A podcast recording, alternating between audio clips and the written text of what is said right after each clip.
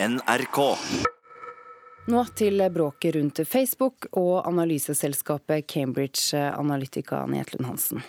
For I løpet av dagen så kommer eh, du og andre til å få vite om du er rammet av skandalen i dette britiske selskapet, der personlige data fra Facebook altså er brukt til å utarbeide et program som skal ha blitt brukt under den amerikanske valgkampen i 2016. Facebook har måttet tåle kraftig kritikk etter at de har samlet inn informasjon fra egne brukere. Og denne informasjonen er altså brukt til å, eh, til å utarbeide og påvirke velgerne under valget i USA.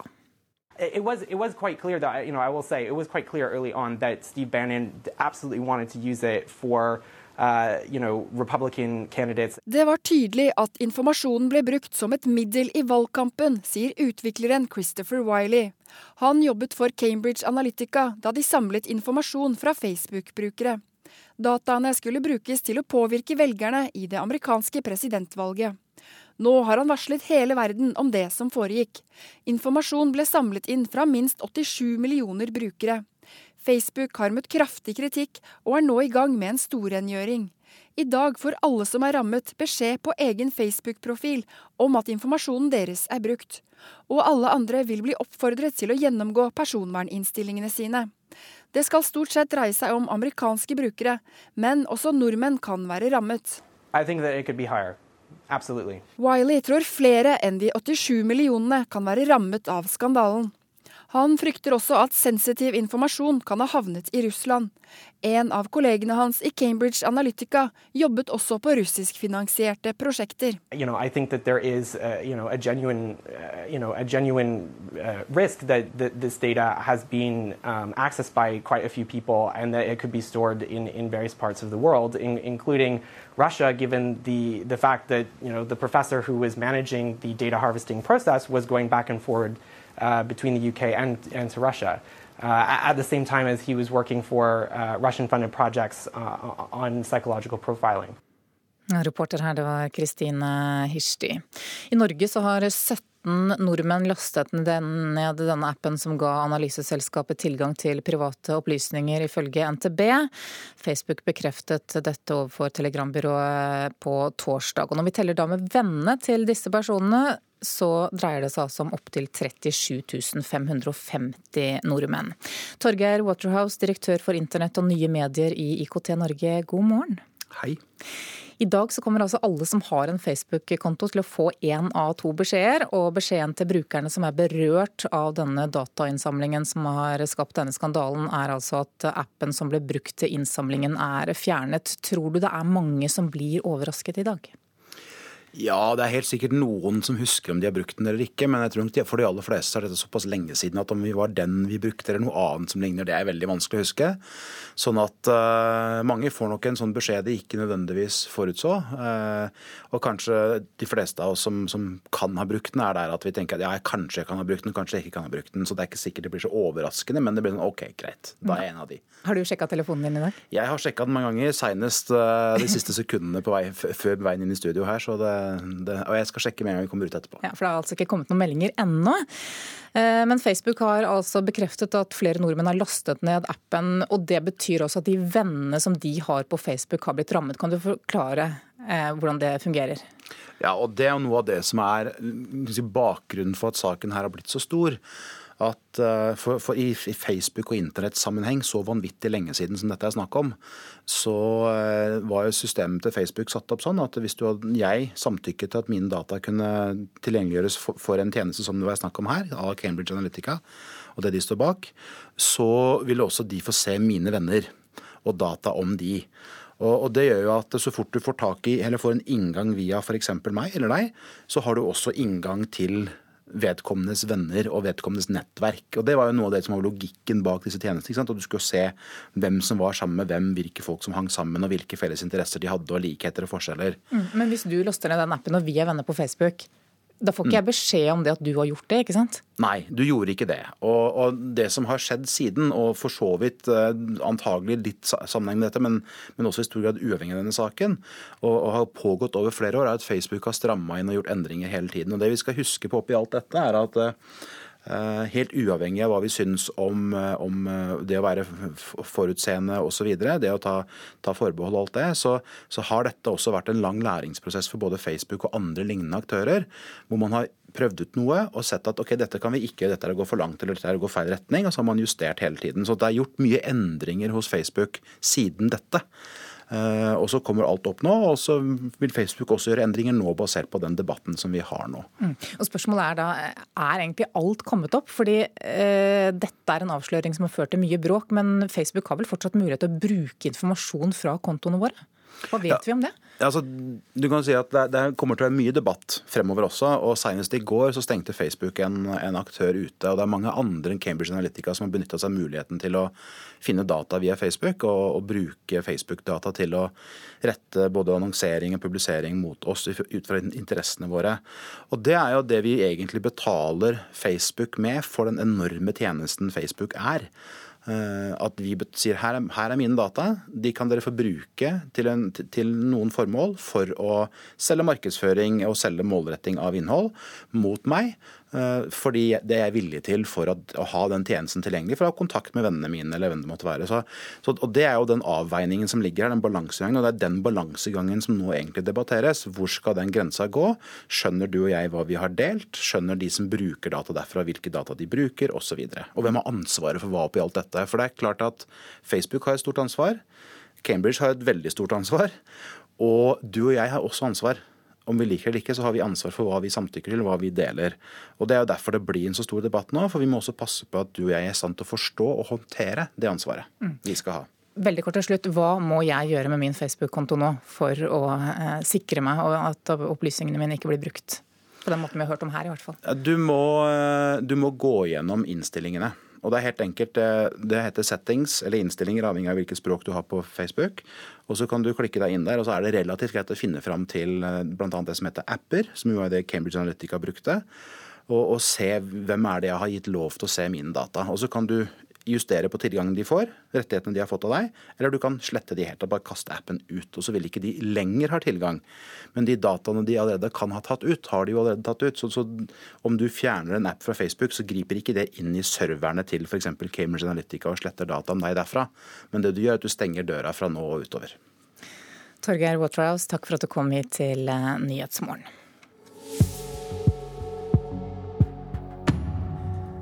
De fleste kjenner historien om jødiske Anne Frank som bodde skjult på et loft bak en bokhylle i Amsterdam under deler av andre verdenskrig. Men de fleste kjenner ikke historien om Betzy Rosenberg, som også gjemte seg for nazistene utenfor Trondheim. Nå kommer boken om hennes historie, hvordan hun overlevde krigen ved å gjemme seg inni en vegg i en hytte, bare et steinkast fra stedet der Rinnan-banden og lokale nazister gjerne hadde fest. Det begynte jo med at jeg leste en veldig gammel avisartikkel eh, som sto på trykk i Adresseavisen den 15. mai 1945, altså i frigjøringsdagene. Og da sto det om ei eh, jødisk jente eh, som eh, hadde overlevd to og et halvt år i ei hytte to mil utenfor Trondheim. Etter denne avisnotisen skulle ikke Betzy Rosenberg snakke om opplevelsene sine før på livets siste dager. Det er en dramatisk historie forfatter Lena Lindahl har grepet fatt i. Betzy var helt i starten av 20-årene da nazistene og politiet skulle sende de norske jødene til konsentrasjonsleirene. Men da politiet kom, sto hun ikke på listen over hvem som skulle arresteres. Når hennes venn Arne Haugrønning hører om det byråkratiske kludderet, får han en idé som skal redde livet hennes. Han drar til Byneset hvor han bor i ei hytte. Der lager han et hemmelig rom i en vegg. Det er 50 ganger 65 cm stort, 120 cm høyt. Planen er at hun skal gjemme seg i det rommet hvis de får besøk. Og ellers skal hun kun være innenfor hyttas fire vegger. Etter fire dager så drar de sammen ut til Byneset på spark. Da går hun altså i skjul fra eh, begynnelsen av desember 1942 og ut krigen. Det å skjule en jente i en vegg på denne måten, det er en ganske unik historie. Bjarte Bruland er historiker og har forsket på utryddelsen av de norske jødene. Det var noen få titalls jøder som greide å overleve krigen i Norge, og det kunne bare skje med gode hjelpere som Arne. Ufarlig var det ikke. Det er klart at Disse hjelperne var jo også i fare hvis de ble tatt. Eh, så, eh, og det, det hendte jo at hjelpere ble tatt, og da havnet de på Grini eller på, i andre konsentrasjonsleirer. Eh, I noen tilfeller ble også folk henrettet. For Arne og Betzy var det nære på noen ganger. Bare 100 meter fra der de bodde, lå en hytte som Rinnan-banden og nazistene brukte bl.a. til festing og skytetrening. Svært få visste om at en jøde bodde i skjul på Byneset, men en dag kom Henry Rinnan selv forbi, og Arnes nevø måtte gjøre sitt beste for å skjule hemmeligheten. Om han hadde hatt en mistanke eller ikke, men i hvert fall så spurte han den unge gutten på 13 år eh, si meg, bor onkelen din alene? Og gutten var så innprenta hjemmefra at dette snakka vi ikke om. Eh, og det er også ganske utrolig at han ikke rødma, at han ikke stamma. Alle de tingene som man ville ha gjort når man plutselig blir veldig redd og usikker på en gang. Men han svarte rolig nei, onkel Arne bor alene, han. Og dermed så gikk Henry Rinnan videre. Ifølge Adresseavisen fortalte Betzy Rosenberg sin historie til legen sin før hun døde i 2004, med tanke på at nye generasjoner må få lære om det som skjedde. Lena Lindahl valgte også ungdom som sitt publikum, for det kan se ut som unge ikke vet nok om denne delen av historien. Når norske ungdommer blir intervjua på TV, eh, hvor de um, sier at de, de, visste om uh, holocaust og det syntes de var forferdelig, men de, de, hadde ikke skjønt at det skjedde i Norge. Og det syns jeg er ganske dramatisk. Jeg tror ikke det gjelder alle, alle norske ungdommer, men, men, hvis det gjelder noen, så er det tydelig at det er man trenger å snakke mer om det. Det er viktig at det kommer fram sånne enkelthistorier om jøder som overlevde nærmest mirakuløst under, under denne trusselen. For det, det, vi må være klar over, er at disse nazistene de hadde til hensikt å myrde alle jøder. Hadde hun blitt oppdaget, så hadde også hun blitt myrdet. Så det, dette er en, en viktig historie på det planet der. Reporter det var Thomas Alvarstein eh, Ove. Vi skal videre til Sverige nå, for det er bråk i Svenska Akademien. Denne helgen har svenske medier vært fulle av stoff om det som er en av Sveriges viktigste kulturinstitusjoner. Og det er også stoff i avisene i dag. Og kulturkommentator Agnes Moxnes, aller først, eh, hva er det svenske akademiet egentlig? Vi kjenner det best, for det er de som eh, hvert år deler ut Nobels litteraturpris. Men det er en institusjon som går tilbake til 1786. Ble dannet av, den, av av eh, svenske kongen, og det er fortsatt eh, den svenske kongen som er denne institusjonens høye beskytter. Og nå er det altså sånn, Minst tre medlemmer har forlatt akademiet i protest, og vi snakker om flere kjente forfattere. Ja, det er eh, tre svært kjente skikkelser i Sverige. Det er jo slik at dette svenske akademiet de skal bestå av 18 mennesker. To har trukket seg i protest for lenge siden. Eh, på fredag så var det tre nye som trakk seg i eh, protest. En av dem var Claes eh, Hva er det han heter? Østergren. Ja, Claes Østergren. En av de mest kjente svenske forfatterne. Populær hos, hos mange. Pluss to andre. Dermed så sitter det bare 13, akkurat i øyeblikket bare 13 medlemmer igjen i dette akademiet. De må være 12 for å kunne ta en avgjørelse om hvem som skal f.eks få neste års litteraturpris, eh, Nobels litteraturpris.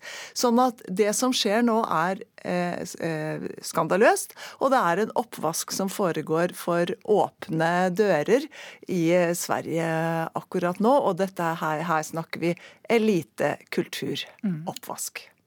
Bitte litt til slutt. Årsaken her er rett og slett en ekte metoo-sak? Det er en skikkelig metoo-sak. Dukket opp i november. Da ble ektemannen til en av dem som sitter i ak akademiet, anklaget for seksuell trakassering mot 18 kvinner. Tre eller fire av dem har gått til sak mot eh, denne mannen. Eh, og nå har det dukket opp i løpet av denne uken dukket opp nye politianmeldelser mot, eh, mot denne mannen. Takk skal du ha, Agnes eh, Moxnes. Sandnes. To nye ungdomsforestillinger om mobbing og utenforskap spilles ved Oslos scener denne måneden. Vi har vært og sett urpremieren på ungdomsmusikalen Exit ved Operaen i Oslo, og her er en liten smakebit. Alt som var i verden, det var oss to på ferden.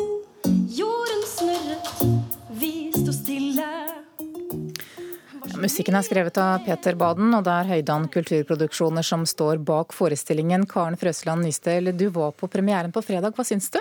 Jo, det er jo en forestilling som er prega av fart og entusiasme og glede, med, med de sa 120 ungdom på scenen. Det er i hvert fall masse barn og unge som er med å, å gi dette liv og glede. Jeg tror det, kanskje det treffer unge mer direkte enn det treffer meg som voksen. Eh, og så sitter jeg som kritiker og tenker at her er det elementer som burde vært heva kvaliteten på. Ja, Hva da, f.eks.? Det handler om dramaturgi og historie og karakterbygging. Altså Konflikten. Det er en gutt som blir mobba, som blir tatt inn i varmen av noen andre, og så ordner alt seg til slutt. Eh, den konflikten her er ganske stereotyp, og det samme er karakterene. Og så har de skapt en rammehistorie som stadig har nye vendinger. Og det gjør at veldig mye skjer, og når veldig mye skjer, så rekker man ikke så mye dybde i historie og i karakterer. Så jeg tenker at hvis de hadde flytta kompleksitet kompleksiteten fra historien og inn i karakterene, så hadde de skapt mye mer spenning, mye mer dynamikk i forhold til publikum. For jeg sa at det var ganske stereotypt og tradisjonelt bilde som skapes av mobbing.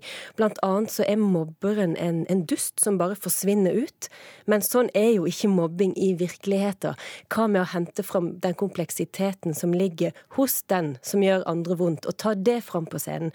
Sånne ting må man gjøre hvis man skal lage en forestilling om mobbing som virkelig tar ungdom på alvor, tenker jeg. Men du mener likevel at dette kan treffe ungdom? Ja, uttrykket treffer, musikken er fengende, og det er masse dans og mange fine folk på scenen. Og jeg hører allerede fra starten et sånt mørkt grunnlag i musikken som gjør at jeg tenker her er det kompleksitet. Det viser seg dessverre ikke i historien, da. Eh, og så tror jeg kanskje at ungdom ser desperasjonen som ligger bak overflaten til karakterene, kanskje bedre enn jeg som voksen gjør. At de lever seg mer inn i det, kjenner situasjonene bedre. Mm. Hvis, hvis du skal oppsummere, er dette et vellykket eh, prosjekt? Ja, Det gjenstår å se. Nå skal det spilles for haugevis av skoleungdom i, i, Oslo de nærmeste ukene, og det er jo der det gjelder, om det funker eller ikke. Ikke først og fremst overfor meg som voksen, selvfølgelig. Men skal det bli maksimalt vellykka, så tror jeg man må våge å grave i dybden og hente fram litt mer av kompleksiteten og, og, og møkka da, som ligger til bakgrunn for enhver mobbehistorie.